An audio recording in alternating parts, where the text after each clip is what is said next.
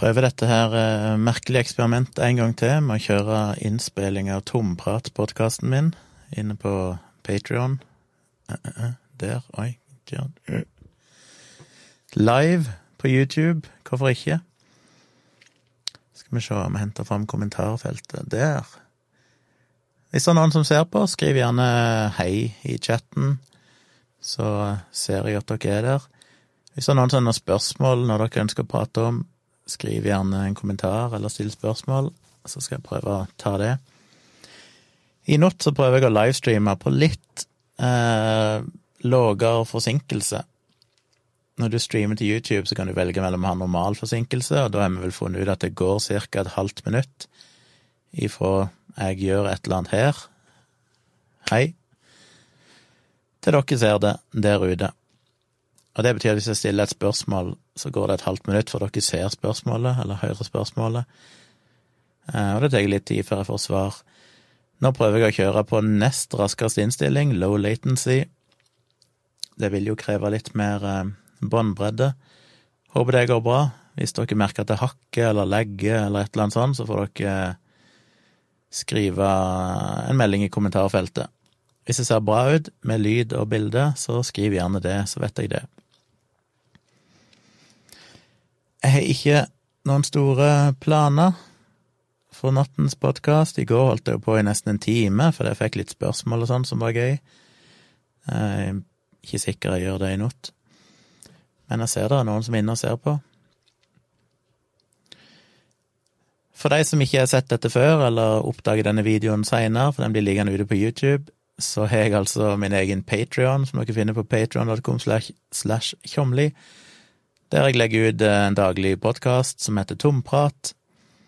Så det betyr at hvis du er Patrion, så kan du få denne podkasten rett i podkastappen din, eller du kan høre den via nettsidene til Patrion-kontoen min, eller via Patrion-appen. I tillegg så ligger bøkene mine der. Mine to bøker som jeg har lest inn, så du kan få de som både video og lydbok. Vi kjører en ukentlig eh, samboerprat, meg og min samboer, hver søndag kveld, der vi livestreamer en time eller mer. Snakker om forskjellige ting og svarer på spørsmål. Og så har jeg lagt ut noen foredrag. Foreløpig ligger det vel tre hele foredrag ute på min Patron, som det går an å se som video. Hei, André. André har fått med seg et eh, push-varsel. Det er jo hyggelig. Jeg vet ikke om det er push-varsel for YouTube, eller om det er for Patron. Uh, husker ikke om han er patron hos meg, men jeg vil tippe det er YouTube. Og det er fordelen med å abonnere på min YouTube-kanal. Da får dere en push-varsel hvis dere har YouTube-appen når jeg setter i gang en livestream. Kanskje dere får en mail òg? Jeg fikk iallfall en mail sjøl, ser jeg om at jeg er live. Det er jo godt å vite, for ellers hadde jeg kanskje ikke visst at jeg var live akkurat nå. Men hyggelig, det. I dag har jeg eh, sittet og jobba med det som kanskje blir en bloggpost. Jeg fikk nemlig tilsendt en mail der det er en som har kutta og pasta et innlegg som han har funnet. Eh, han fant det på Facebook via Steigan. Regner med han sikter til steigan.no-nettsida. Som en jo en del liker å vise til, men som en, som en sånn generell regel Det du leser på steigan.no, er jo som regel omtrent det motsatte av sannheten. Så han har limt inn en tekst med en drøss, hvor mange er det, 10-20-30 spørsmål, eller noe sånt, som er litt all over the place, men som synes å være vinkla til å være kritiske til håndtering av pandemien i Norge, med de eh, konsekvensene det måtte ha.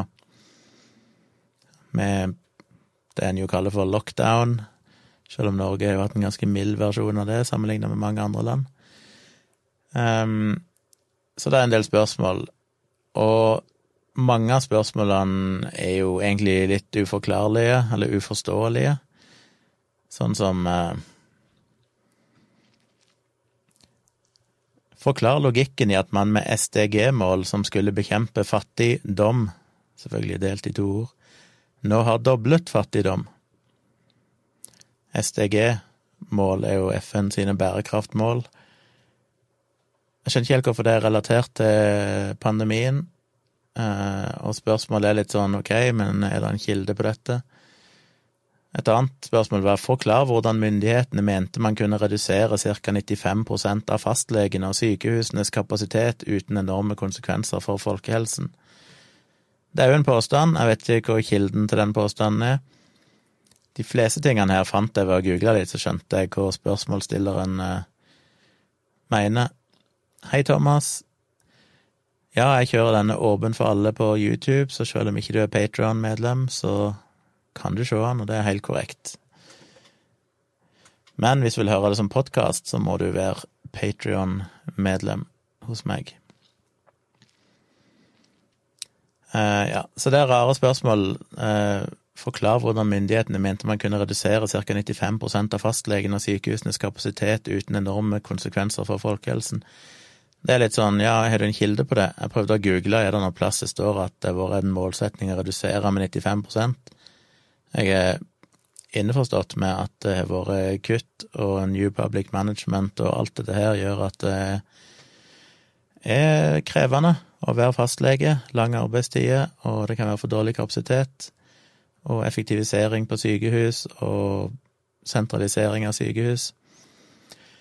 Men å bruke sånn tall som 95% ca. 95 og så er det ingen kildeanvisning, da er det liksom vanskelig å svare på det. Pluss at jeg vet ikke helt hvor det er, hvorfor det er relatert til pandemien spesifikt. Um, det var et annet spørsmål her òg. Som ikke helt skjønte var relevant for eh, pandemien? Ja, det er sånn spørsmål Forklar hvorfor håndspriten i matvarebutikkene står inne, mens handlevogner i de store sentrene står ute og før håndspriten. Dette var et spørsmål som innledningsvis står det Jeg har noen spørsmål til faktisk, kan du forklare meg dette? Regner med de mener faktisk.no nå, da? Men å stille spørsmål med hvorfor håndspriten i matvarebutikkene står inne, selv om handlevognene, iallfall på de store sentrene, står ute, det er sånn, skal virkelig faktisk.no forklare det? Forklaringen er vel menneskelig dumhet, noen som ikke har tenkt langt nok. Eh, det er ikke spesielt relevant for pandemihåndteringa i landet. Jeg tror ikke det er myndighetene som har pålagt de å ha det på den måten. Ja, men det er en del spørsmål som er legitime, Eh, som jeg har brukt eh, noen timer på i bloggen min og prøver å forklare. Så nå har jeg på en måte bare researcha og skrevet noen korte svar. Og så kommer jeg vel til å publisere det som en bloggpost etter hvert. Så godt jeg kan. Jeg tenker at det er en sånn bloggpost som kanskje blir en litt sånn work in progress, der jeg kommer til å få innspill fra andre, og så kan jeg oppdatere den bloggposten med svar etter hvert, så det kan bli en litt sånn referanseside. For eksempel og det som alltid imponerer meg med sånne spørsmål som dette, er jo hvordan den som stiller spørsmålene, åpenbart ikke engang har prøvd å gjøre noe research sjøl. Sånn at hele premisset for spørsmålene er jo feil. Et spørsmål er jo eh, Forklar hvordan man her mener å kunne bevise dette virusets eksistens når ingen av Cox postulatkriterier er oppfylt. Og jeg må innrømme, jeg hadde ikke hørt om disse Cox-postulatene, men det er visst noen kriterier for at du skal kunne vise at et spesifikt virus forårsaker en spesifikk sykdom, eller noe sånt. Men når en googler Cox postulater av covid-19, omtrent det første søketreffet som kommer, er jo en studie der det starter med, som har tittelen 'Alle seks Cox-postulatene av koronaviruset er oppfylt'. Der det er en artikkel der de forklarer at de tre første postulatene er det mange andre forskergrupper som har vist eh, er innfridd. Eh, men i denne studien så da viser de til de tre neste, at de kan bekrefte det òg. Pluss mange artikler som går gjennom dette og forklarer at eh, dette er ikke noe tvil om at det er SARS-CoV-2 som forårsaker covid-19, og ikke bare et annet virus som vi kjenner fra før, men at dette faktisk er et nytt koronavirus. Eh, et annet spørsmål var forklar hvorfor dette viruset aldri er isolert og renset opp sånn at vanlige vaksiner kan lages, som jo òg er, er fullstendig feil premiss. Allerede i januar så hadde jo Kina isolert viruset. I februar hadde Sør-Korea isolert viruset. Og etter hvert så er det jo mange andre land som er isolert dette viruset. Eh, amerikanske CDC tilbyr jo til og med viruset. De kultiverer jo viruset og kan gi det til forskere som søker om det, og som innfrir visse kriterier til sikkerhet og sånne ting. Så det er rart å stille et sånt spørsmål og bare anta, bare liksom legge som premiss at ingen har bevist at viruset finnes, for det aldri blir isolert, når det tar deg 15 sekunder på Google å finne et tonn med artikler og studier som nettopp demonstrerer og gjennomgår og forklarer at det er isolert, og det er beskrevet ganske så inngående. Og sånn at vanlige vaksiner kan lages eh, Det er jo nettopp det de gjør.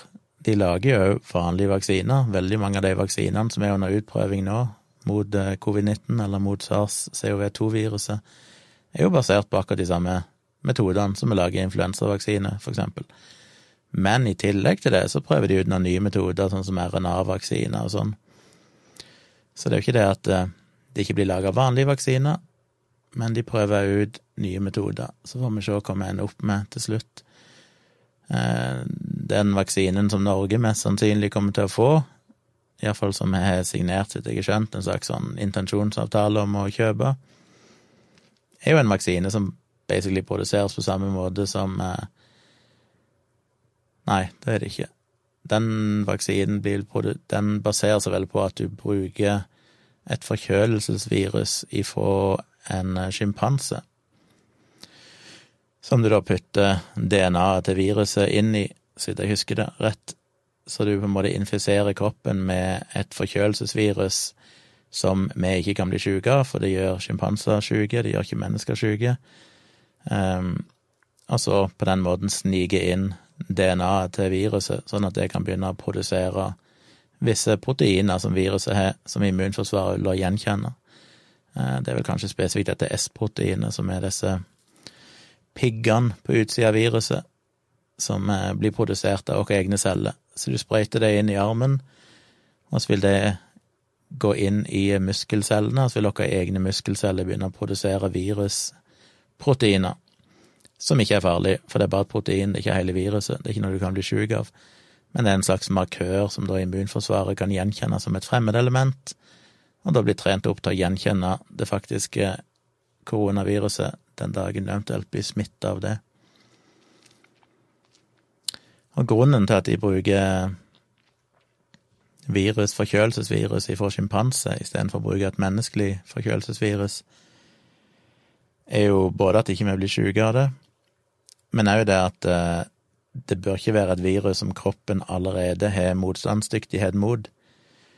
For hvis du hadde sprøytet inn et menneskelig forkjølelsesvirus, eller et meslingvirus, eller et eller annet sånt, eh, så vil kanskje vårt eget immunforsvar gjenkjenne det og allerede være forberedt på det, og dermed bryte det ned og knuse det før det får tid til å infisere cellene i kroppen og begynne å produsere det S-proteinet. Og da vil vaksinen virke dårlig. Men ved å injisere et virus som kroppen ikke har noen motstandsdyktighet mot, så rekker det på en måte å, å gjøre den jobben det skal, før immunforsvaret etter hvert ødelegger det. Nå er vel de virusene som de sprøyter inn i den norske vaksinen, er òg av en ikke-replikerende type, så det vil si at virusene vil ikke replikeres. De er vel modifisert på en eller annen måte som gjør at de ikke replikerer seg sjøl. Dermed kan du uansett ikke bli sjuk. Det finnes tilsvarende vaksiner som bruker akkurat samme metode, men der baserer de seg på replikerende virus, sånn at de faktisk multipliseres i kroppen eh, før immunforsvaret da eventuelt tar knekken på dem. Men ja, så det er mange spørsmål, og så er det jo sånn Første spørsmålet er forklar hvordan Japan med 126,5 millioner innbyggere har kun ca. 1700 døde uten lockdown. Og det er jo et interessant spørsmål. Eh, et legitimt spørsmål. Problemet er jo bare det at vi har ikke noe gode svar. Og jeg skjønner ikke hvorfor det er relevant for situasjonen i Norge. Fordi du trenger ikke å se til Japan, du kan se til Sverige, du kan se til Tyskland, du kan se til England, du kan se til USA, og se konsekvensene i land som er mye mer nærliggende, hvis en kjører et litt løsere løp enn det Norge har gjort. Eh, så det at det har gått sjokkerende bra i Japan, er det mange hypoteser rundt. Jeg har lest en del artikler om det. Alt ifra at de kanskje, noen mener at de har funnet at mange japanere har antistoffer eh, En type antistoff som minner Som du normalt får etter at du er blitt infisert en stund etterpå, som kan bety at disse allerede har vært utsatt for et lignende virus tidligere, sånn at en stor del av Japans befolkning er helt eller delvis immune mot eh, det nye koronaviruset fra før, og derfor har det rammet så få. Andre mener at det er en lite sannsynlig hypotese. Noen mener at det handler om den japanske kulturen. De er jo ikke så veldig intime. Det er ikke mye klemming og, og sånn der. Eh, de er på en måte relativt eh, introverte, er feil, men de lever litt som introverte, litt sånn sosialt distanserte. Eh, som er jo en sånn en modifikasjon. Det er jo definitivt mye sosial omgang og tette, små lokaler og rikelig med muligheter for virus å spre seg, så det ser heller ikke ut til å være en fullgod forklaring. Hvor mer var det de spekulerte i? Ja, det husker jeg ikke. Men så er det jo en sannhet med modifikasjon at ikke Japan hadde noe lockdown. Japanere er jo veldig eh, autoritetstro, og allerede tidlig i april så innførte jo Japan en slags unntakstilstand på grunn av pandemien, og innførte krav om eh, hjemmekontor, nei, ikke hjemmekontor, men sosial distansering, og at ikke-essensielle bedrifter skulle stenges ned. Men de hadde ikke noe straffer for det. Så hvis ikke du stengte ned bedriften din, så hadde det ikke noen konsekvenser. Og hvis du ikke fulgte reglene, så, hadde, så var på en måte det frivillig, i den forstand at du ble ikke straffa for det. Så en kan si at det var ikke veldig streng, en var ikke noe streng lockdown, men samtidig så er japanere veldig flinke til å følge regler. Så det er ikke usannsynlig at de allikevel da bare gjennom å rett og slett egentlig gjøre det samme som vi gjorde i Norge, som egentlig blir definert som en slags lockdown, klarte seg veldig bra, selv om myndighetene ikke måtte gå så strengt til verks. Så det er mange forskjellige hypoteser, men det rare er jo når han stiller dette spørsmålet til faktisk.no, han eller hun, er jo litt sånn eh, so what? Hvorfor er det relevant for norske forhold? Er poenget at eh, siden det gikk bra i Japan uten lockdown, så burde vi ikke hatt lockdown i Norge? Men det er jo en fantastisk korttenkt påstand for da trenger du bare se til Sverige eller andre land, USA, som troner omtrent på toppen av antall smitta og døde. Så det blir jo ekstrem cherrypicking. En kunne sikkert like godt å ha pekt ut et eller annet eh, afrikansk land. Eh, det viser seg jo at en del av disse afrikanske landene òg ser det ut til å gå sjokkerende bra med. Jeg vet ikke helt hvorfor, det er mange hypoteser rundt det. En er at det er færre eldre folk. Eh, en annen er at eh, de kanskje var utsatt for mye mer virus og smitte generelt sett. Det kan være hygieneting som gjør at de generelt sett kanskje er bedre rusta til å håndtere sånn virus. Kanskje virus rett og slett ikke formerer seg så godt i den varmen. Det kan være klimaforhold. Mange ting. Men det blir litt sånn fordi det går bra i et annet land som er veldig ulikt dere, så skulle ikke vi ha gjort noen ting.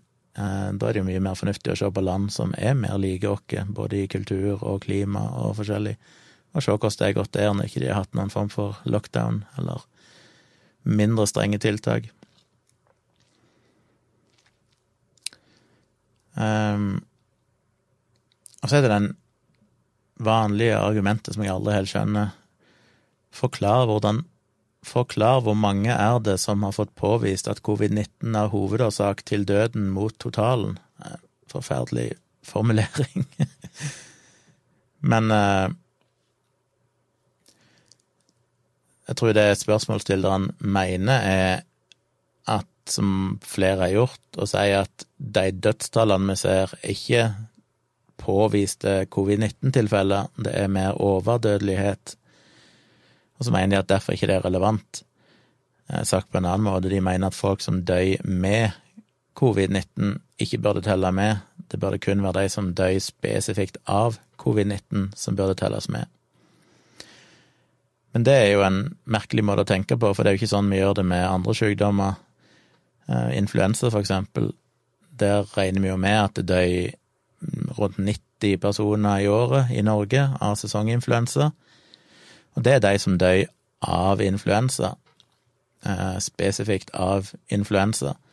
Men vi har en overdødelighet i løpet av influensasesongen på alt ifra 900 til 1300-1400, litt varierende fra år til år, men si pluss-minus 1000.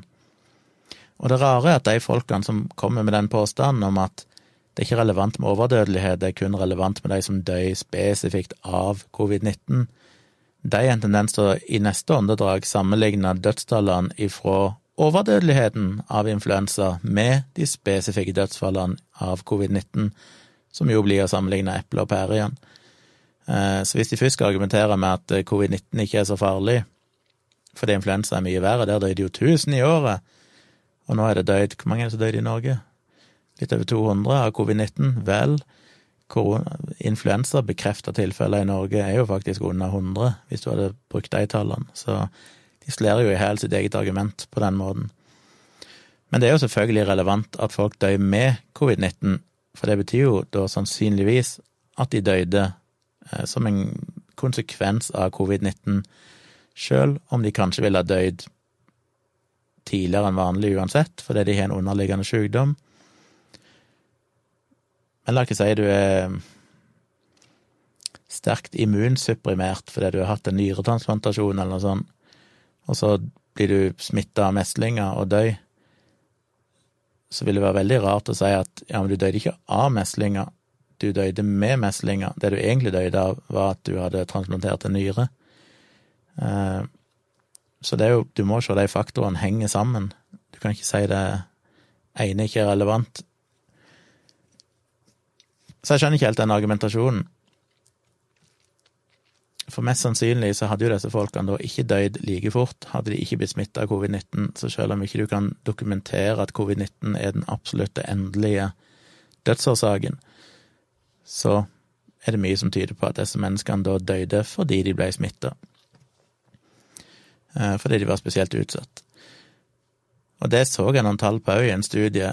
Jeg tror folk ofte tenker at det er bare en bitte liten prosentandel da som døy med eller av covid-19 mens mange flere, en betydelig mange flere, som bare døy med. Men forskjellen var faktisk ikke så stor. Det virka som de aller fleste som blir registrert som døde. Jeg så for eksempel tallene fra England og Wales, som var ganske ferske nå, i forbindelsen av oktober, der de nå hadde sett at det døde tre ganger så mange av influensa og lungebetennelse eh, Nei, tre ganger så mange av covid-19 som det som døde av influensa og lungebetennelse. Og da så de kun på de faktisk bekrefta covid-19-dødsfallene. Og det var på ja, hva var det, noen og 40 000 eh, i løpet av de månedene de hadde sjekka. Men hvis du så på bare overdødeligheten, så var det oppe i noen og 50 000. Så forskjellen var ikke sånn enormt stor. Det var noen prosenter mer hvis du tok med alle de som døde med covid-19, heller enn bare spesifikt av. Men igjen, det er ikke en veldig viktig faktor, virker det som. Og så er det jo et spørsmål som på en måte legger et premiss i spørsmålet som ikke de kan dokumentere. Forklar hvorfor en ubrukelig PCR-test legges til grunn for å avgjøre om noen er smittet. Da legger de som premiss at PCR-testen er ubrukelig, og det er den jo ikke. Eh, den er ikke perfekt, og den er veldig avhengig av når du tester folk. Innenfor de første dagene etter at du får symptomer, så er den som regel over 90 eh, korrekt. Og da kommer vi inn på dette med sensitivitet og spesifisitet, altså hvor god en test er til å avdekke om du faktisk har sykdommen, eh, eller om du, hvor god han er til å finne alle som har sykdommen, målt opp mot hvor mange falske positive finner han. Jeg husker ikke helt tallene der, det står i bloggposten når den kommer. Men poenget er at eh, i det du kan være relativt trygg på at hvis du får et positivt utslag på en covid-19-test, så er du faktisk sjuk. Og så er det noen han da ikke finner, spesielt hvis det er gått litt for lang tid etter at du ble smitta, eller etter at du fikk symptomer. Men å si at den er ubrukelig, er jo å trekke det veldig langt, for det, nei, den er ikke perfekt. Det er, noen, det er ingen tester som er 100% presise.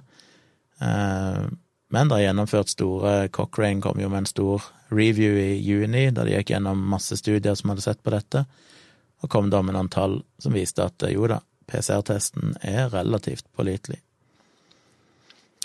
Så det er litt sånn det virker som, det er sånn spørsmål som virker som de har fått med seg at uh, noen har kritisert testen, at ikke han er perfekt, at du kan ha falske positive og sånn, og så blir det da forenkla til at han er ubrukelig for å fremstå som smarte. Og det er det som er så synd med sånne spørsmål, for det, bak disse spørsmålene så gjemmer det seg ofte en, uh, en relevant debatt, for eksempel om PCR-testen er den beste testen, om den er god nok, burde testes flere ganger, alt dette her. Men istedenfor så blir det bare fremstilt som at det er en slags konspirasjon, at vi blir lurt av myndighetene til å bruke en test som ikke virker i det hele tatt. Og det er så utrolig synd i alle de her diskusjonene om pandemien, at det ofte gjemmer seg legitime spørsmål som vi definitivt burde diskutert. Det er selvfølgelig på sin plass å diskutere tiltakene som er blitt innført for å begrense spredning, med bedrifter som må stenge og alt dette her. Men da må du gjøre det på en faktabasert måte, og ikke bare slenge ut hårreisende, idiotiske påstander. Um, ja, så det spør han eller hun forklar hvorfor man må tilby 48 000 til de som frivillig vil la seg infisere dette viruset for å forske på dette. Er ikke tilgangen til infiserte stor nok ut fra smittetallene i gåsehud? Nå vet ikke jeg hva han tar det 48 000 ifra, eh, om det er kroner eller går det. Men jeg skrev litt om det, jeg kom med en bloggpost der for et par uker siden da jeg så på, gikk gjennom de nye koronavaksinene som var under utprøving. Og der er jo et av problemene at smittetallene er såpass lave i samfunnet at det tar tid å finne ut om en vaksine virker. For du vaksinerer jo da I de fase tre-studiene som er i gang nå, så vaksinerer de ofte ja, mange, mange tusen mennesker med den vaksinen de skal prøve ut. Og så slippes de ut i det vanlige samfunnet. Og så ser en da etter en stund, eh, hver gang de får rapportert et sykdomstilfelle, så blir det analysert for å sjekke For å sjekke eh, om de var i kontrollgruppa, eller om de fikk faktisk vaksine. Så etter hvert vil de da få en statistikk på om det er flere i kontrollgruppa, altså de uvaksinerte eller de som har fått placebovaksine, som eh, blir smitta og syke, enn de som har fått den ekte vaksinen. Men det tar jo tid ettersom det er så få som blir smitta. Så det de gjør, er jo at de da bruker prioriterer helsepersonell eller folk som jobber i serviceyrker der de har tett kontakt med mange, mange mennesker i løpet av en dag. Altså, de prøver å finne folk som har stor risiko for å bli smitta, for at det da skal gå fortere å finne ut om vaksiner faktisk beskytter de. Og så er det jo noen da som har snakka om å, å tilbudt folk penger for å la seg smitte av viruset, altså du rett og slett smitter de bevisst med koronaviruset etter de har fått vaksinen, for å se om den virker. Og det syns jo jeg det er etiske problemer med, som jeg snakket om i en tidligere podkastepisode her. For det var en eller annen av mine patrions som stilte meg det spørsmålet. Og jeg konkluderte vel da med at jeg ikke ville latt meg eh, smitte av koronaviruset, fordi det er såpass stor sjanse eh, Sjansen for å dø er veldig liten, men han er jo definitivt større enn null, men sjansen for å bli alvorlig syk eh, begynner jo å bli eh, stor nok til at jeg ikke helt ser at jeg skal ha ganske mye penger før jeg ville ha tatt den sjansen. Eh, og da mener jeg sjuk av covid-19, ikke sjuk av vaksinen. Så jeg syns det er Jeg skjønner jo at det vil speede opp prosessen. Det vil jo gå raskere hvis du bare kan smitte en shitload med mennesker som er blitt vaksinert, og sammenligne det med kontrollgruppa, og så finne ut om vaksinen virker eller ikke. Men eh, jeg syns vel det er muligens etisk uforsvarlig, uten at jeg har satt meg godt nok inn i alle argumentene for og mot. Men måten han stiller spørsmålet på når han sier smittetallene, jeg tror det òg baserer seg på en misforståelse, for det, i Norge er jo smittetallene lave. Altså det er snakk om noen hundre nye hver dag som er blitt smitta av en befolkning på over fem millioner. Det høres ikke så mye ut. Og Da sier det seg sjøl at å slippe, hvis du hadde testa vaksinen i Norge Nå er det ikke noe vaksine under testing i den norske befolkning, så vidt jeg vet, men om du så hadde gjort det, og latt folk gå rundt i Oslo vaksinerte med ekte vaksine eller med placebovaksine, så vil det jo ta veldig lang tid før statistisk sett nok av de ville blitt smitta på en naturlig måte til at du kan finne ut om vaksinen beskytter de eller ikke. Eh, så derfor så er liksom smittetallene er lave. Så hvorfor er vi da så redde for dette? Hvorfor snakker vi som om det er en enormt med smitte i samfunnet? Vel, jeg tror folk allerede nå har glemt litt det som det var mye fokus på helt i starten av pandemien, og det er jo dette med eksponentiell vekst. Selv om det er få som blir smitta nå, så gjenger det ekstremt fort hvis det først kommer ut av kontroll, fordi det er eksponentiell vekst. Eh, jeg husker ikke tallene, jeg husker når pandemien starta, så var det mange fine Twitter-tråder forskjellig der folk regna ut dette og viste liksom hvor kjapt det ville gå ifra du hadde bare noen, en håndfull med smitta, til en betydelig andel av befolkningen ville være smitta hvis du lot det løpe løpsk. Jeg tror folk har et stort problem med å skjønne det. Jeg mener, det klassiske bildet på eksponentiell vekst var vel den her gamle historien om Farlig å ta sånne ting spontant, for jeg husker ikke detaljene, men dere har sikkert hørt den. Denne kineseren som et eller annet med en eller annen keiser i Kina eh, som Ja, hva var det? Skulle skje et eller annet, skulle gjøre et eller annet, og så sa han eh, han ville ha betalt Han spurte hva han ville ha betalt for å gjøre en eller annen jobb, eller noe sånt, så sa han jeg vil ha ett riskorn for det første feltet på sjakkbrettet, og så vil jeg ha to riskorn for det neste. Så jeg vil ha like mye ris som det tar å fylle det sjakkbrettet med én, to, fire, åtte. Og keiseren tenkte hæ, det er jo ingenting, og aksepterte det. Og det er vanskelig å skjønne hvor stort tall det faktisk blir på de 64 feltene som er på et sjakkbrett. Men når du altså dobler antallet 64 ganger, to opphøyd i 64., så, eh, så blir det et tall som, ja, hva er det, det blir flere Ja, det blir ikke flere, det blir omtrent halv Der er Vikram og André Indisk historie. Ja, anyway, dere finner ut av det. Men poenget er at det blir jo et tall som selvfølgelig utgjør mer ris enn det finnes riskorn i verden, og nesten flere partikler enn det finnes i universet eh, nå i den duren. Og det er jo det som er problemet med eksponentiell vekst, at uh, du skal ikke så veldig mange ledd. Det er jo det samme med sånn six degrees of separation. Altså du skal ikke veldig mange ledd vekk før du er i slekt med alle på jorda. For det når du har den spredningen, er jo det litt mer enn en opphøyd i andre, men uh, eksponentiell vekst er vanskelig å fatte før du begynner å sette deg ned og regne på det. Og det er jo litt av tiltakene, litt av grunnen til de tiltakene som skjer nå, det er jo at en ser hva som skjer i europeiske land, der det nå er på vei opp igjen ganske dramatisk. Og det kan skje så fort. Det er ikke sånn at, at folk tenker jo ofte lineært, at hvis det er 100 i dag, eh, og så er det 110 i morgen, ja, så blir det kanskje 120 dagen etterpå, og så blir det 130 dagen etter det igjen, altså 140, altså en lineær vekst. Men eksponentiell vekst er jo at det er 100 i dag, og så er det 200 i morgen, og så er det 400, og så er det 800, og så er det 1600, og så er det 3200. Og når de begynner å komme opp i de store tallene og doble det igjen, så er det plutselig dekka hele Norges befolkning i løpet av ganske få dager. Så det kan skje fort. Eh, så jeg skjønner det at folk kan tenke at Jeg føler det spørsmålet her er jo et slags argument for hvis det virkelig var så mye smitte i samfunnet, så hadde en vel ikke trengt å betale noen for å bli smitta for å teste vaksinen, da kunne en jo bare teste det ute i samfunnet. Eh, men det er ikke sant, det er lite smitte i samfunnet. Problemet er bare at den smitten kan øke ekstremt fort hvis vi mister kontrollen.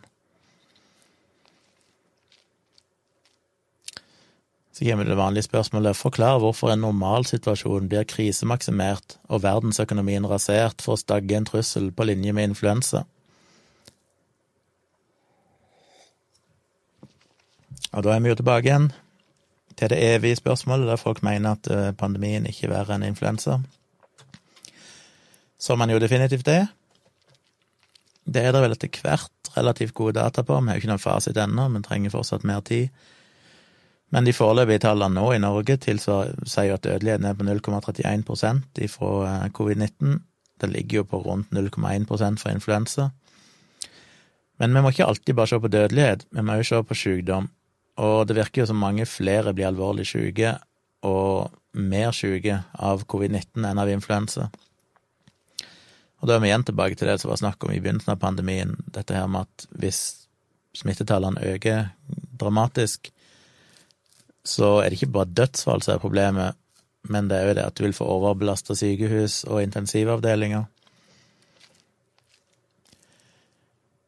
Så hele premisset for det spørsmålet om at covid-19 ikke er verre enn influensa, er nok eh, feil.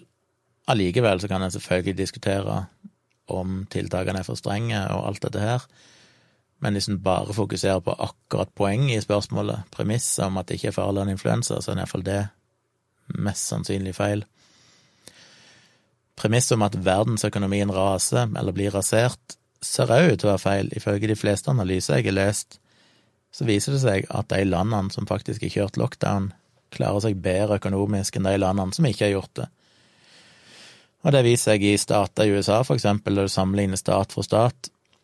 Så kan en se at de plassene de har starta opp tidlig, åpner opp igjen restauranter sånn tidlig, så ser det ut til å gå dårligere, eller iallfall ikke noe bedre enn de statene der du har venta lenger. Fordi folk Når det er mye sykdom i samfunnet, så blir det mye frykt, og folk eh, bruker ikke så mye penger. Og folk er kanskje for syke til å gå ut, og folk er Det er mange faktorer som gjør at det ikke nødvendigvis er en god ting, og mye tyder på at det er en for, selv om det selvfølgelig er hardt, et hardt slag for økonomien, både i landet og verden, så ville sannsynligvis konsekvensene vært verre hvis ikke vi tok den støyten nå. Ikke minst bare fordi det kanskje vil da vare lenger.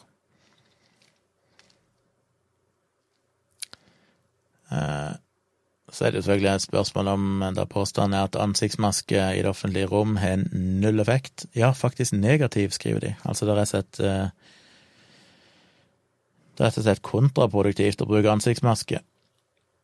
Det er det jo etter hvert mye data som viser er feil, både rene studier som tester om ansiktsmaskene virker eller ikke, men ikke minst igjen så er det superinteressant å se på amerikanske stater eller byer. Du kan sammenligne område til område og se områder der det har vært påbud om maskebruk, sammenlignet med områder der det ikke har det. Eller du kan sjekke tidsmessig, se hvor mange som blir smitta fram til de innfører maskepåbud, og så se utviklingen etterpå. Alle de tallene peker i retning av at maske definitivt ser ut til å ha en effekt. Så kan en alltid stille spørsmålet med ved at sånne data er alltid komplisert å analysere, fordi det å innføre et maskeforbud vil sannsynligvis òg medføre at du endrer andre eh, væremåter hos mennesker. Eh, folk vil kanskje gå mindre ut, folk vil kanskje ha mindre sosial kontakt. Sånn at det ikke nødvendigvis maskebruken i seg sjøl som gjør det.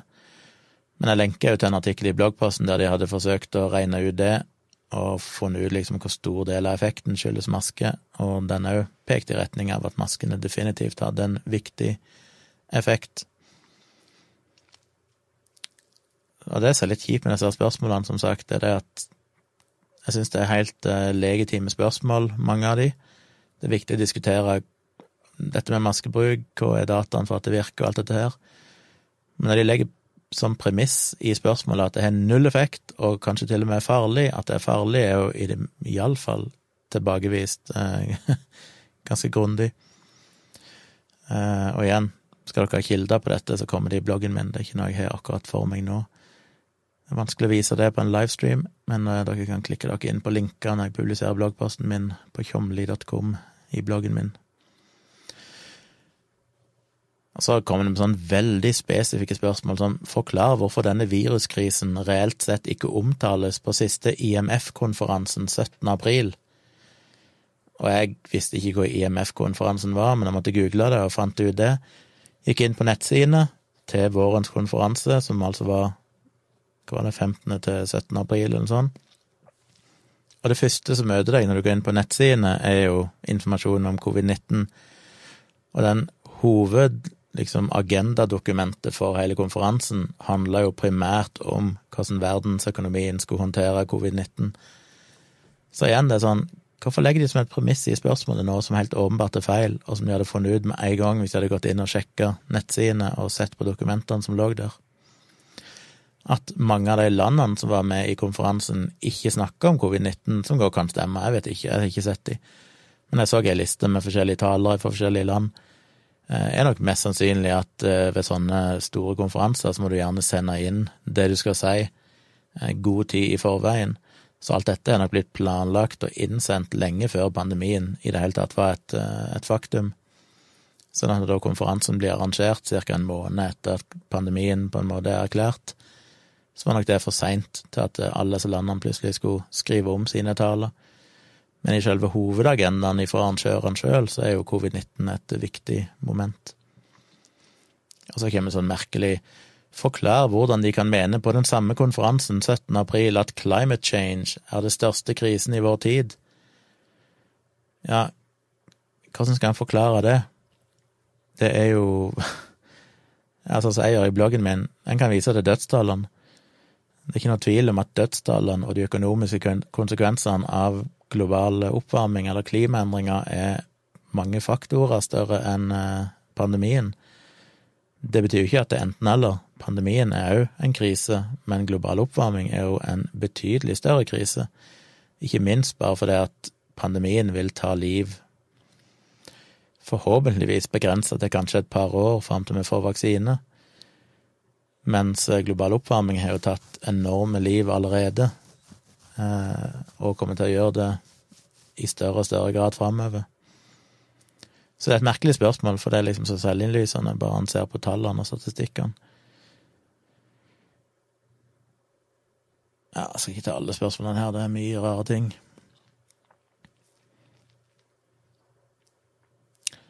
Så det er jo sånn, forklar logikken i at man med SDG-mål som skulle bekjempe fattigdom, nå har doblet fattigdom, som jeg vel nevnte tidligere. Som er jo en sånn, ja, FNs bærekraftmål ble jo ikke laga for pandemien. De har jo eksistert lenge før pandemien og har helt andre målsetninger.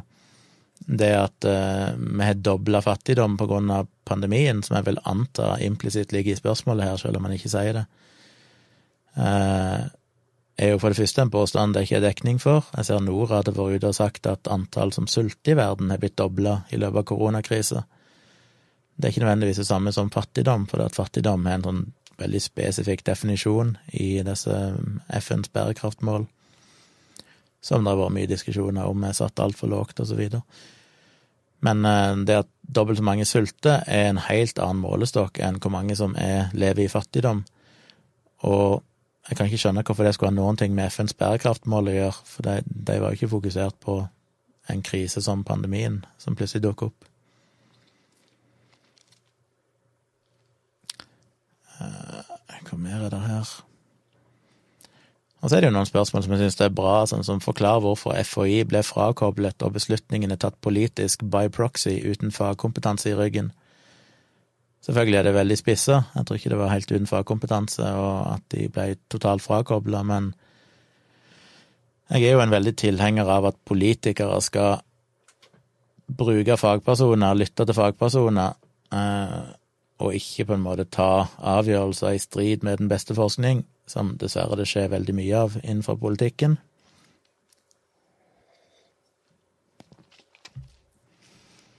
Men samtidig så har politikerne flere hensyn å ta. Hvis en tenker seg at i denne pandemien at Folkehelseinstituttet, FHI, kommer med råd og anbefalinger knytta til spesifikt eh, det medisinske, altså hva skal vi unngå mest mulig sykdom, og hvordan skal vi unngå flest mulig, mest mulig dødsfall, så er jo det en veldig, veldig viktig faktor. Men politikerne skal òg se på hvordan holder vi liv i fotballag, hvordan holder vi liv i utesteder, hvordan holder vi liv i næringslivet, hvordan er de psykologiske konsekvensene, hvor lenge kan folk akseptere tiltak før de begynner å gi faen fordi det blir for mye. Eh, det er mange sånne elementer en politiker må hente inn informasjon om, eller ta avgjørelser basert på forskjellige eh, kriterier. Så derfor er det jo ikke helt feil at eh, politikere kan ta avgjørelser som kanskje strider mot det eksempel Folkehelseinstituttet anbefaler, fordi de har sin, sine spesifikke målsetninger, men som politikere kanskje må se større på det og ta flere hensyn og finne en, en balanse mellom flere hensyn. Så det går sikkert an å diskutere og være kritiske til at kanskje Folkehelseinstituttet i for stor grad ble overkjørt av kanskje politiske hensyn, eh, et mål om å fremstå som handlekraftige og alt dette her. Men eh, det er ikke så enkelt som at de bare ble kobla helt ut, og at eh, politikeren 100% kun skulle ha hørt på Folkehelseinstituttet. Det er litt mer komplekst enn det.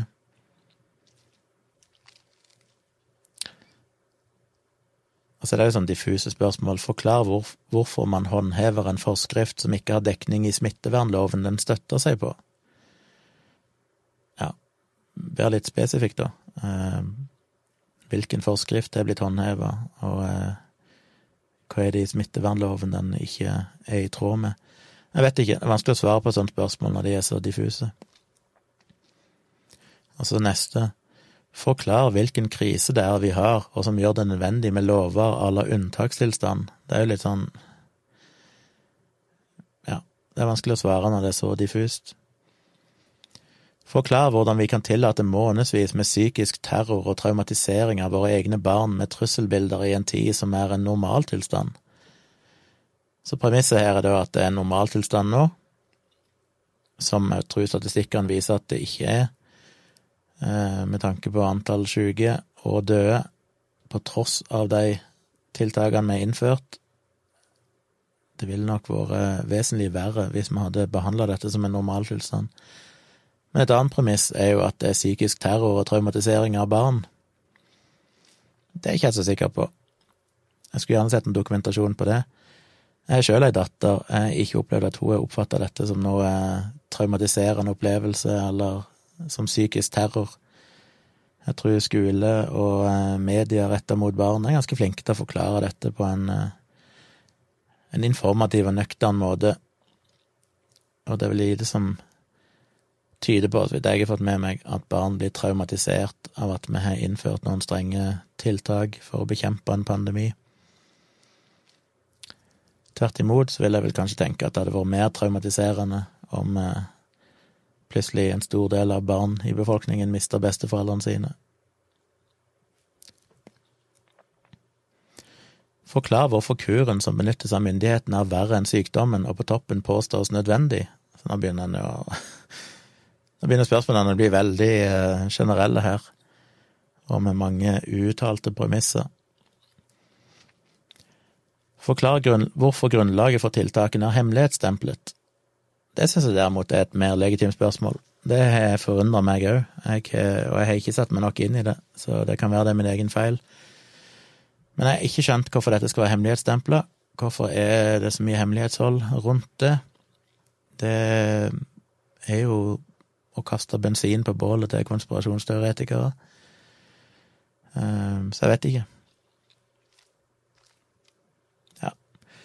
Så det var de fleste av de spørsmålene jeg har sittet og jobba med i kveld, og skal prøve å skrive en, et svar på de fleste av de. Selv om ikke de er retta til meg, så tenker jeg at eh, jeg kan jo begi meg ut på den jobben det er, og prøve å besvare de på en eller annen måte. Hvorfor har jeg to vinduer oppe her? Oi, der, ja. Sånn. Jeg ser dere er en del inne og kikker på, det er jo veldig hyggelig. Skriv gjerne i kommentarfeltet hvis dere er her. Skriv et hei, så ser jeg at dere er her. Jeg fikk et spørsmål ifra Jonathan. Håper det kommer flere av de reaksjonsvideoene dine. Binge-watchet alle i kveld, spesielt de om Åndenes makt var fantastiske. Mer debunking. Takk for det, Jonathan. Det synes jeg er veldig hyggelig. Jeg håper òg det kommer flere, og den beste måten å sikre seg at det kan komme flere, er ved å støtte meg på Patrion. Fordi jeg har en dayjob, jeg har en annen podkast, jeg har andre ting jeg driver med, som tar veldig mye tid, og jeg skulle ønske jeg hadde nok inntekter på eh, det skeptiske arbeidet, folkeopplysning og sånt, at jeg kunne bruke mye mer tid på det. Dessverre så er ikke jeg sånn som eh, Sofie Elise og rosabloggere som får kasta shitload med penger etter seg for å skrive meningsløse innlegg i en blogg. Eh, det er ikke annonsører som finner det så veldig interessant å sponse bloggen min. Og det å få penger av YouTube krever veldig mange views, skal han ha noen in seriøs inntekt på det. Så realiteten er jo at uh, den type opplysningsarbeid som jeg prøver å drive med, er ikke veldig god business. Så da er jeg litt avhengig av å få støtte fra folk som syns det er viktig, og som ønsker at jeg skal gjøre mer av det. Så folk som støtter meg på Patrion, bidrar jeg i aller høyeste grad til det, sånn at jeg kanskje etter hvert kan prioritere å bruke mer tid, for det er jo drømmen min, å kunne bruke mye tid på å lage den type videoer Jeg har veldig lyst til å lage flere reaksjonsvideoer. Eh, men realiteten er jo at en reaksjonsvideo som bare i 15-20 minutter tar uendelig lang tid å lage.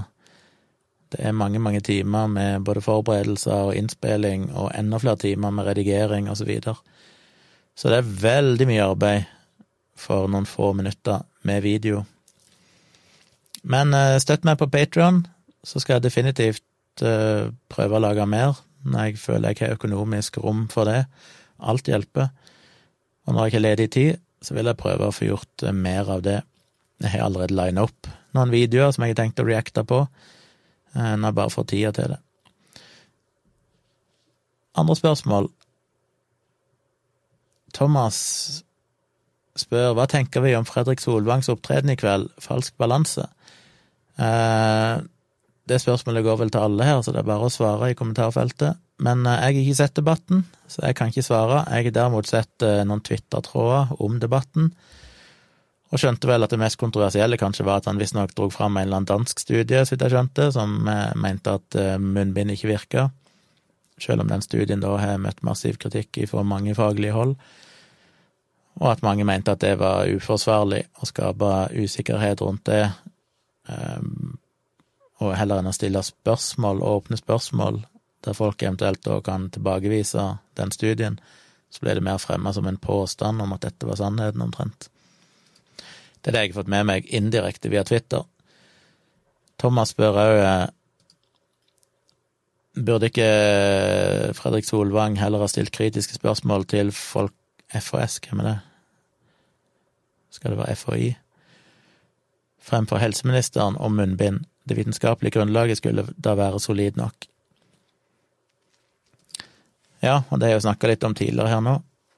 Det ser ut til å være, selv om en skal ikke overdrive effekten av munnbind, det er ikke noen sånn eh, Det er jo Folkehelseinstituttet vært tydelig på, at de kom vel med noen tall som jo er litt sånn vanskelig å kvantifisere, men de mente vel at effekten av munnbind var kanskje 40 beskyttelse, mens sosial distansering var hva er det, 80 eller sånn, altså, eller det å holde énmetersregelen.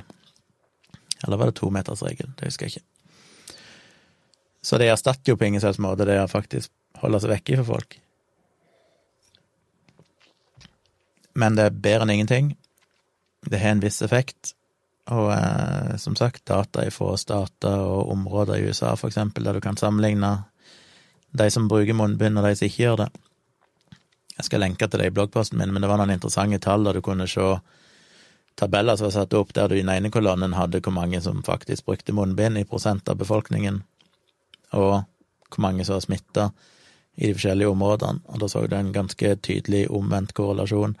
Der de hadde mest munnbind, var det færre som var smitta. Men som jeg sa tidligere, det kan òg Det er ikke bare munnbind, det å bruke munnbind gjør òg at du endrer dine vaner ellers. Så det er nok eh, en kombinasjon av faktorer som spiller inn. Eh,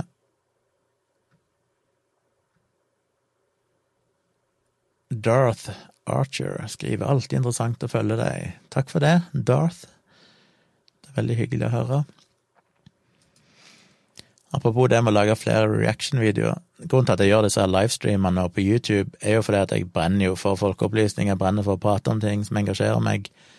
Eh, men dette er en veldig low-key måte å gjøre det på. Det kan jeg gjøre ganske spontant, og det krever ikke masse etterarbeid med timevis og dagevis med redigering. Det er bare plug and play, alt jeg på si. Vikram spør om det er noen nye bøker på gang. Egentlig er det jo det, men jeg er litt flau av å snakke om det, for det, før sommeren så hadde jeg store ambisjoner om å fullføre ei bok jeg begynte på i 2015, eh, som var en, rett og slett en eh, saksynt antologi, altså en samling av bloggposter fra bloggen min Saksynt, utgitt i bokform. Uh, og jeg var godt i gang igjen med det, jeg la det litt på is her i 2015, fordi meg og en redaktør jobba med det ei stund, og fikk valgt ut alle bloggpostene vi skulle ha med, og pussa litt på det og sånn. Jeg sendte ut henvendelse til mange, mange kjendiser. Alt ifra Camilla Stoltenberg til komikere til Ja, jeg husker ikke alle engang. Det var mange TV-personligheter sånn, som jeg vet har hatt et øye til bloggen min, og fikk de til å komme med et slags sitat om hva bloggen har betydd for dem, og fikk tilbake mange. Og det skulle jeg liksom krydre boken med, da. Eh, og det var ganske fancy. Men så endte jo forlaget opp med å si at de ikke ville gi han ut allikevel, fordi eh, de følte vel kanskje ikke det var nok økonomisk potensial i det.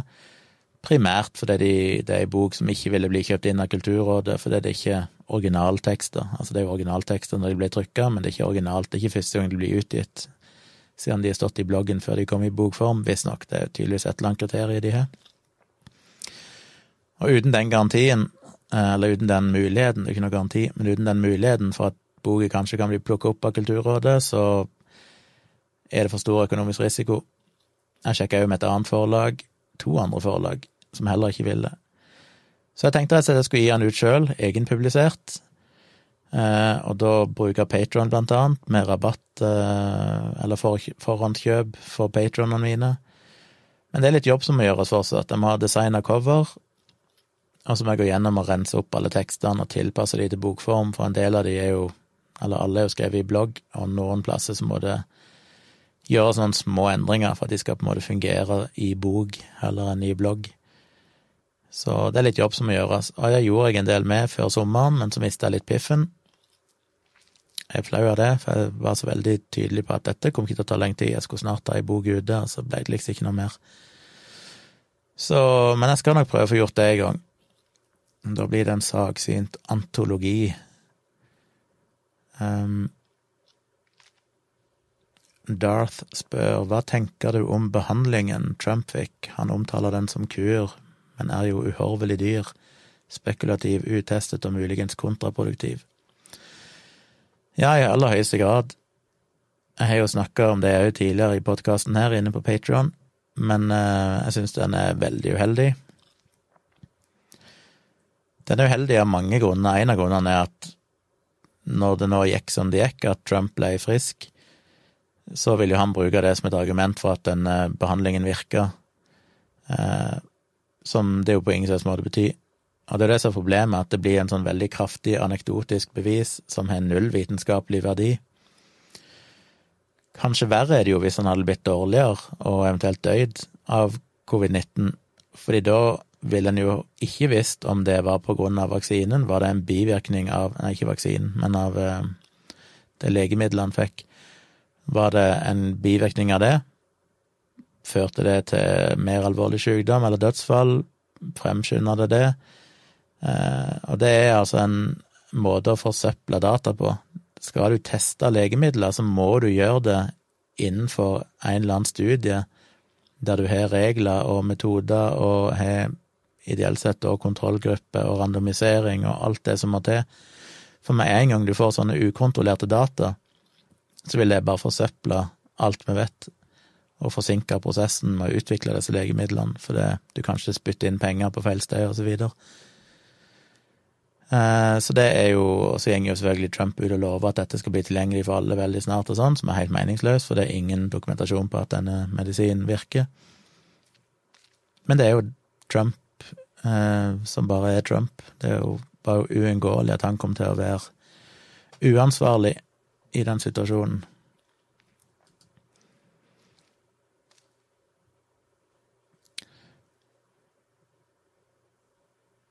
Jeg leser bare litt kommentarer her.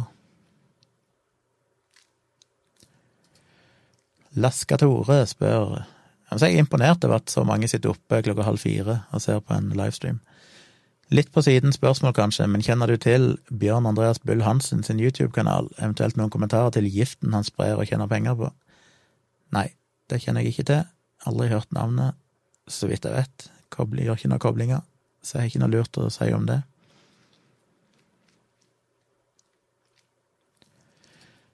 André spør, jeg kommer fra ute på bygda og flytter tilbake i voksen alder. Her er stort sett interessene til folk å hate ulv og innvandrere. Er det noe poeng å ta debatten hver gang de sytrer seg?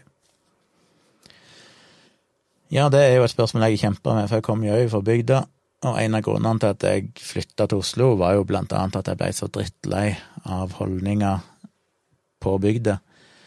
Um, veldig mange fantastiske folk, selvfølgelig, og, men det er ofte veldig navlebeskuende. Alle lunsjprater handler jo bare om hvordan skal vi utvikle næringslivet i kommunen, og hvordan skal vi få flere folk til å flytte her, og bla, bla, bla. Jeg er så drittlei av at alt handler om kommunen, uansett. Det var liksom aldri noe perspektiver utover i verden og, og se det større bildet. Og selvfølgelig mye mye teite holdninger. Eh, for min del var det vel òg at jeg sleit med å finne et fellesskap. Jeg var vel litt sær, som var så interessert i kritisk tenking og vitenskap og sånn. Mens det føltes som at de fleste andre var enten opptatt av næringsliv og turisme, eller idrett, eller eh, kirka. Um, og det var, var, vanskelig å finne et miljø å henge i som jeg kunne snakke med. Og det fant jeg i Oslo, med skeptikere og sånn her. Men er det noe poeng å ta debatten? Vel, det var jo sånn jeg starta alt jeg driver med. Det var jo at jeg begynte å diskutere i eh, lokalavis med kristne konservative som skrev leserinnlegg mot homofile og mot abort og mot uh, Palestina og mot evolusjon, ikke minst. Så jeg satt jo i evigheter og skrev motsvar der jeg argumenterte og pekte ut feil i argumentasjonen deres når det gjaldt eh, alt fra abort til evolusjon til homofili til alt mulig rart. Ehm, var det noe poeng i det? Ja, om ikke jeg Jeg tror nok jeg kanskje opplyste noen folk, men det viktigste av alt så opplyste jeg vel meg sjøl. Jeg eh, ble jo tvunget til å researche og lære meg mer om alle disse temaene, og inspirerte meg til å, å bli mer opptatt av kritisk tenking og se verdien av det. Eh, er det verdt å ta debatten hver gang? Eh, nei, ikke face to face, iallfall. Jeg er vel ganske sånn konfliktsky på mange måter at hvis jeg møter folk som har teite meninger, så er ikke jeg den som drar i gang en diskusjon. Jeg bare er litt sånn ja, ja. Bare ser gjennom fingrene med det. Orker ikke noen konfrontasjon. Litt fordi at det tar så mye energi, for hvis jeg skal gjøre det, så må jeg gjøre det skikkelig. Da må vi liksom ha de neste fire timene til å sitte og ta den diskusjonen. Jeg orker ikke en sånn overfladisk lunsjdiskusjon der en skal bare fjase det vekk etter fire minutter. Eh, med en eller annen one-liner som alle ler av. Så jeg er nok litt der at jeg syns nesten ikke det er verdt å ta debatten face to face, men uh, heller, i mitt tilfelle, å skrive om det, og heller bruke tid på å informere på den måten.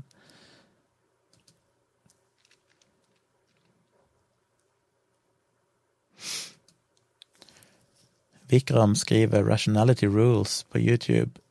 Har blant annet laget et kortspill som går ut på å bruke ja, fallacies for å debunke påstander. Har du lyst til å prate litt om disse fallaciene på norsk? Vi har vel eh, konkludert, tror jeg, i skeptikermiljøene for lenge siden. Så var det alltid en diskusjon om hva kaller du en sånn fallacy på norsk. Eh, vi har vel konkludert med at et godt norsk ord kan være tankefeil. Så å diskutere tankefeil er definitivt noe som er nyttig. Det finnes jo mange gode oversikter på internett over de vanligste tankefeilene. Eh, jeg har vært innom et par av de bøkene mine. Men eh, ja, det kan jo absolutt være noe å snakke om. Kanskje jeg skal kjøre en livestream-serie der tar jeg for meg én og én logisk tankefeil. Problemet med det er at noen av de er veldig enkle å forklare, andre er ganske mer komplekse å forklare. Det er så lett å gjøre feil når du forklarer dem, fordi du må virkelig, virkelig forstå noen av dem før du skjønner hva den egentlige tankefeilen er, at ikke du forklarer feil ting, for det, noen av de er sånn relativt like. Hvis jeg husker rett, så er det liksom natural, naturalistic fallacy og natural fallacy, eller noe sånt, som egentlig er to helt forskjellige ting. Uh, ja, det er fort gjort å blande, så jeg må Jonathan, takk for svaret. Hva det svarte deg på nå igjen? Jeg må bla litt opp her. Uh, reaksjonsvideo, ja. Du har fått nytt Patron-medlem. Ja, takk for det. Det er veldig kult hvis du vil bli patron. Det er som sagt veldig stor hjelp. Hvis jeg hadde klart å fått omtrent det dobbelte av det jeg har nå, nå har jeg litt over 100, hvis har hadde klart å doble det, så begynner det å nærme seg et punkt der jeg faktisk kan prioritere å bruke mer tid på dette. Men det jeg har nå òg, hjelper jo veldig mye allerede. Ikke minst har det hjulpet meg bare til å få på plass teknisk utstyr, og sånn så jeg kan lage denne livestreamen i god kvalitet og alt det. Men neste trinn er jo å kunne erstatte, betale litt tid òg. Eh, lurer også på hvordan motreaksjoner du har fått etter å ha kritisert offentlige personer, alternativ medisin, religion osv. Har du fått mye hat? Ja, det har jeg jo definitivt fått. Blitt ganske hardhuda med årene. Det finnes jo en del av det i bloggen min. Eh, jeg skal ikke gjenta det her, jeg føler jeg snakker så mye om det, både dialogisk og andre plasser. Det er litt sånn lei av å snakke om det. Men jeg har definitivt mye hat. Det dukker stadig vekk opp eh, kommentarer, fortsatt på både Instagram og folk som sender meg meldinger på Messenger med relativt ufine utspill. Så det får en jo. Jeg vet ikke har fått så mye for å kritisere offentlige personer. De er jo så sett uh, Ja, det har vært noen Frp-ere og sånn som har lagt meg for hat, og kan være temmelig ufine. Men uh, sånn Ellers er det ikke det som er det verste, det er vel mer at du kritiserer alternativ medisin og kritiserer vaksinemotstandere og sånne ting. Og med kritikk så mener jeg jo da at jeg faktisk har prøvd å ettergå påstandene deres altså sjekke hva forskningen viser, og prøve å opplyse folk. Men det er de jo ikke så glad i. Men ja, det har vært rettssaker sånn i kjølvannet av dette her. Riktignok ikke for meg, jeg har ikke starta noen rettssaker, for jeg er ikke noe tilhenger av det, men andre som har vært implisert av den samme hatet og hetsen som jeg har gjennomgått, har jo da på sine egne vegne gått til rettssak og vunnet de. Så hvis jeg hadde gått til rettssak, så hadde jeg jo selvfølgelig vunnet de, for det har alle de andre gjort som har gått på rettssak, holdt jeg på å si, indirekte på mine vegne. Folk er blitt dømt til å fjerne blogger og diverse sånne ting som har vært temmelig injurierende. Bente hadde tenkt å legge meg, men så er det spennende å høre på deg. Takk, hvis du er her fortsatt. Det er veldig hyggelig å høre. Jeg sitter jo bare her og improviserer litt. Det er veldig kult at noen gidder å se på. Du kan legge deg, for denne videoen blir liggende ute, så du kan se resten i morgen hvis du trenger å komme deg i seng, men uh... Ja, der kom Jonathan sin på nytt, ja. André sier han kjenner seg igjen, jeg regner med det var det med bygde, det å leve på bygda. Min IRL-omgangskrets er nede i null og har siste uken slettet alle SoMe. Hurra for podkaster og lydbøker. Sikkert ikke dumt. Min uh, eh, IRL-omgangskrets er òg basically nede i null, men det har den jo nesten alltid vært. Jeg har en samboer, og jeg har hjemmekontor. Så det er stort sett meg og hun som uh, trør oppå hverandre 24 timer i døgnet. Og det er veldig sjelden jeg treffer folk. Når jeg treffer folk, så er det stort sett i forbindelse med oppdrag, enten jobb eller at jeg holder foredrag eller et eller annet sånt. Jeg er jo ikke en veldig sosial person, så det går egentlig greit. Eh, jeg har ikke sletta sosiale medier, og den viktigste grunnen til det Og dette har jeg jo snakka mye om i dialogisk og, og, i andre sammenhenger, men jeg er jo langt på nær så aktiv i sosiale medier som jeg var før. Før så skrev jeg jo og diskuterte, så tastaturet holdt på å implodere, både på Facebook og i kommentarfeltet i bloggen min og på Twitter og sånne ting. Det gjør jeg veldig sjelden nå. Nå er det mest at jeg konsumerer innhold uten at jeg gidder å engasjere meg så mye. Men det har en slags verdi bare for meg å følge med på det som skjer. Hvis jeg skal kunne adressere påstander som er feil, eller diskutere ting i, i dialogisk eller her i denne podkasten, så må jeg ha en viss må ha fingeren litt på pulsen av det som skjer. Så selv om jeg blir for høy, eh, høy puls og blodtrykk av og til av å sitte og lese Facebook-poster som irriterer meg, så er det iallfall i det minste en mulighet for meg å, å kvesse mine kritiske tanker. Så jeg er litt redd alltid. Jeg har lyst til å slette det, men jeg er litt redd for at hvis jeg sletter det, så er det sånn Kommer jeg til å få med meg hva folk mener, da? Ja, jeg får med meg nyheter fortsatt, det kan jeg få via andre kilder, ikke minst bare følge med på nettaviser internasjonalt og i Norge. Men vil jeg egentlig få med meg de debattene som foregår, som jeg føler jeg burde være med i? For det er på en måte litt av min jobb i gåsehauget. Laska Tore syns jeg det var artig å høre min mening om hva Bull Hansen driver med. Han har over 300 000 følgere på YouTube. Nå må jeg google navnet, hva han heter. Bjørn Andreas Bull Hansen. Se om jeg kjenner igjen hvem det er. En forfatter som heter Bjørn Andreas Bull Hansen. Er det han? Ja. To år eldre enn meg, ifølge Wikipedia. Sånn han ser ut. Nei, han øh, kjenner jeg ikke til. Født i 72, 20 år bak seg som aktiv styrkeløfter, kan vise til NM-gull, bronse i EM og flere norske rekorder, både som junior- og seniorløfter. Begynte han å skrive. Hva er det han har skrevet? Syv historier fra Vestskogen. Romanserien Håndgudens tale, Lucian-trilogien og Tyr-trilogien. Det hørtes ut som noe fantasy-greie. Vikingsaga.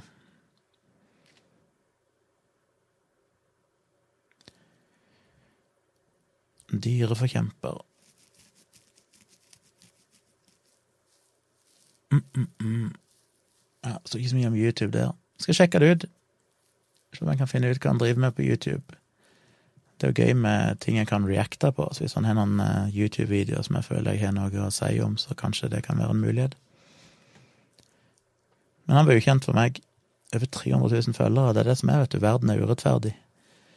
Det er det evige problemet, at uh, vi som jeg føler prøver å forholde oss til fakta og rasjonalitet, blir fort kjedelige, i den forstand at vi har jo ikke så veldig uh, eksplosive meninger. Litt det samme med dialogisk og sånn òg. Jeg prøver jo å være så balansert jeg kan. Jeg er ikke noen Tusvik og Tønne som slenger ut hat og dritt om eh, folk bare fordi det høres kult ut.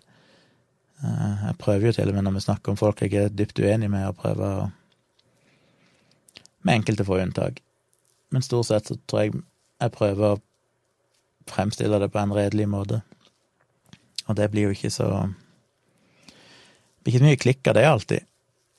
Så det er litt kjipt.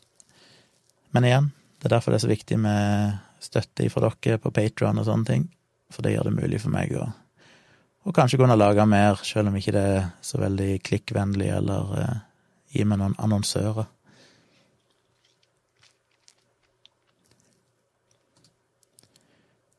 Jonathan spør videre, når du diskuterer med folk som åpenbart har et helt merkelig virkelighetssyn, har du et håp om å forandre meningen deres og følgeren deres, eller har du en annen motivasjon? Det er jo et spørsmål jeg føler jeg har svart på mange ganger i andre sammenhenger, men jeg kan godt gjenta at uh, Selvfølgelig har en et visst ønske om å klare å endre meningen deres, men jeg tror aldri at jeg klarer det der og da. Men jeg tror definitivt at det er mulig å så et lite frø av et eller annet som kan gjøre at de endrer mening over tid. Uh, men min hovedmotivasjon for å diskutere med folk som jeg er sånn veldig uenig med, er jo å vise argumentene mine for de som følger med på diskusjonen, for å gi andre mennesker argumenter de kan bruke, gi de verktøy til å delta i sånne debatter. Eh, for det er nok mange gjerdesittere, og mange som kanskje er usikre, og det er jo mest de du ønsker å påvirke. Eh, og så har jeg jo nok endra meg litt òg.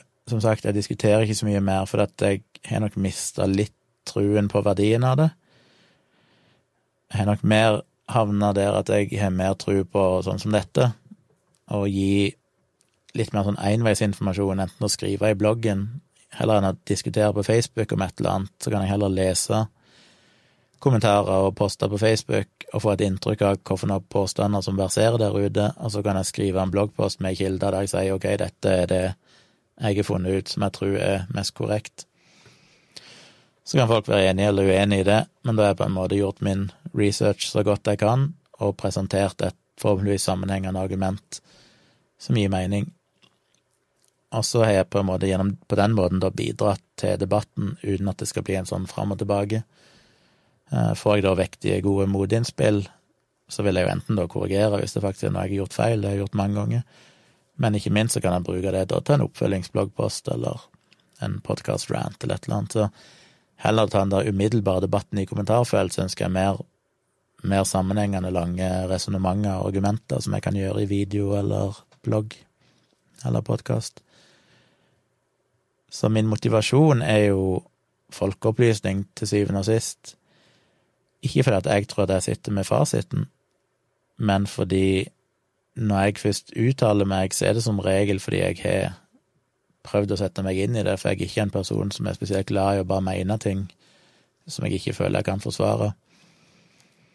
Så hvis jeg først mener et eller annet med en viss tyngde eller styrke, så er det fordi at jeg føler meg rimelig trygg på at jeg ikke sier noe som er totalt i strid med vitenskapelig konsensus på feltet, eller et eller annet sånt.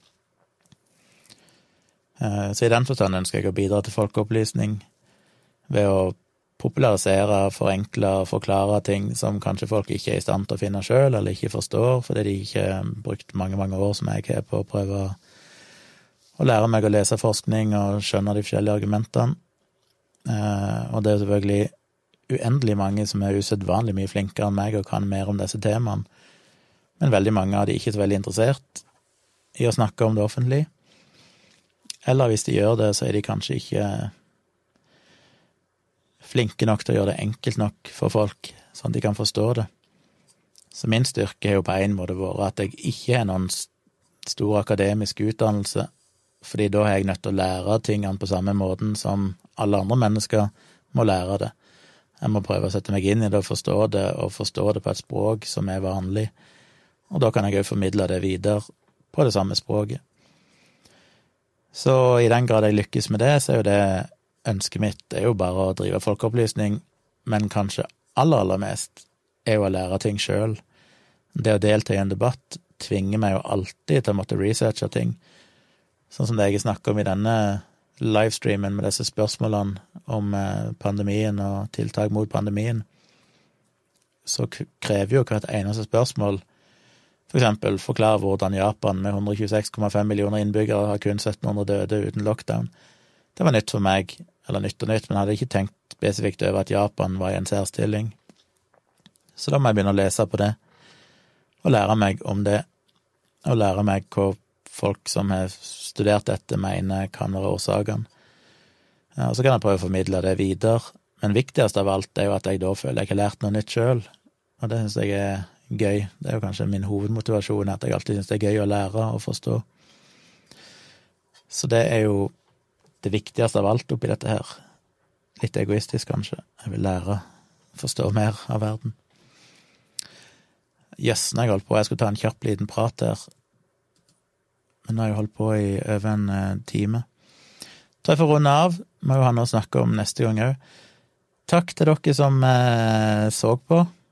Det syns jeg er supergøy at det var inne en del folk og kikka på live på denne tida av døgnet. Eller egentlig uansett hvor tid på døgnet det hadde vært.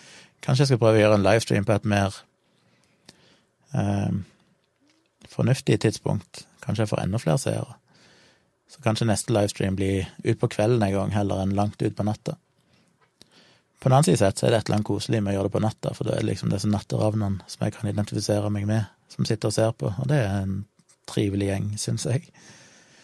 Men igjen, hvis dere setter pris på dette, vil jeg skal drive med lage mer reaction-videoer på Åndenes makt eller uh, andre ting, støtt meg på Patrion. Dere får en del igjen for det. Både foredrag og podkast og livestreams som ikke er offentlige.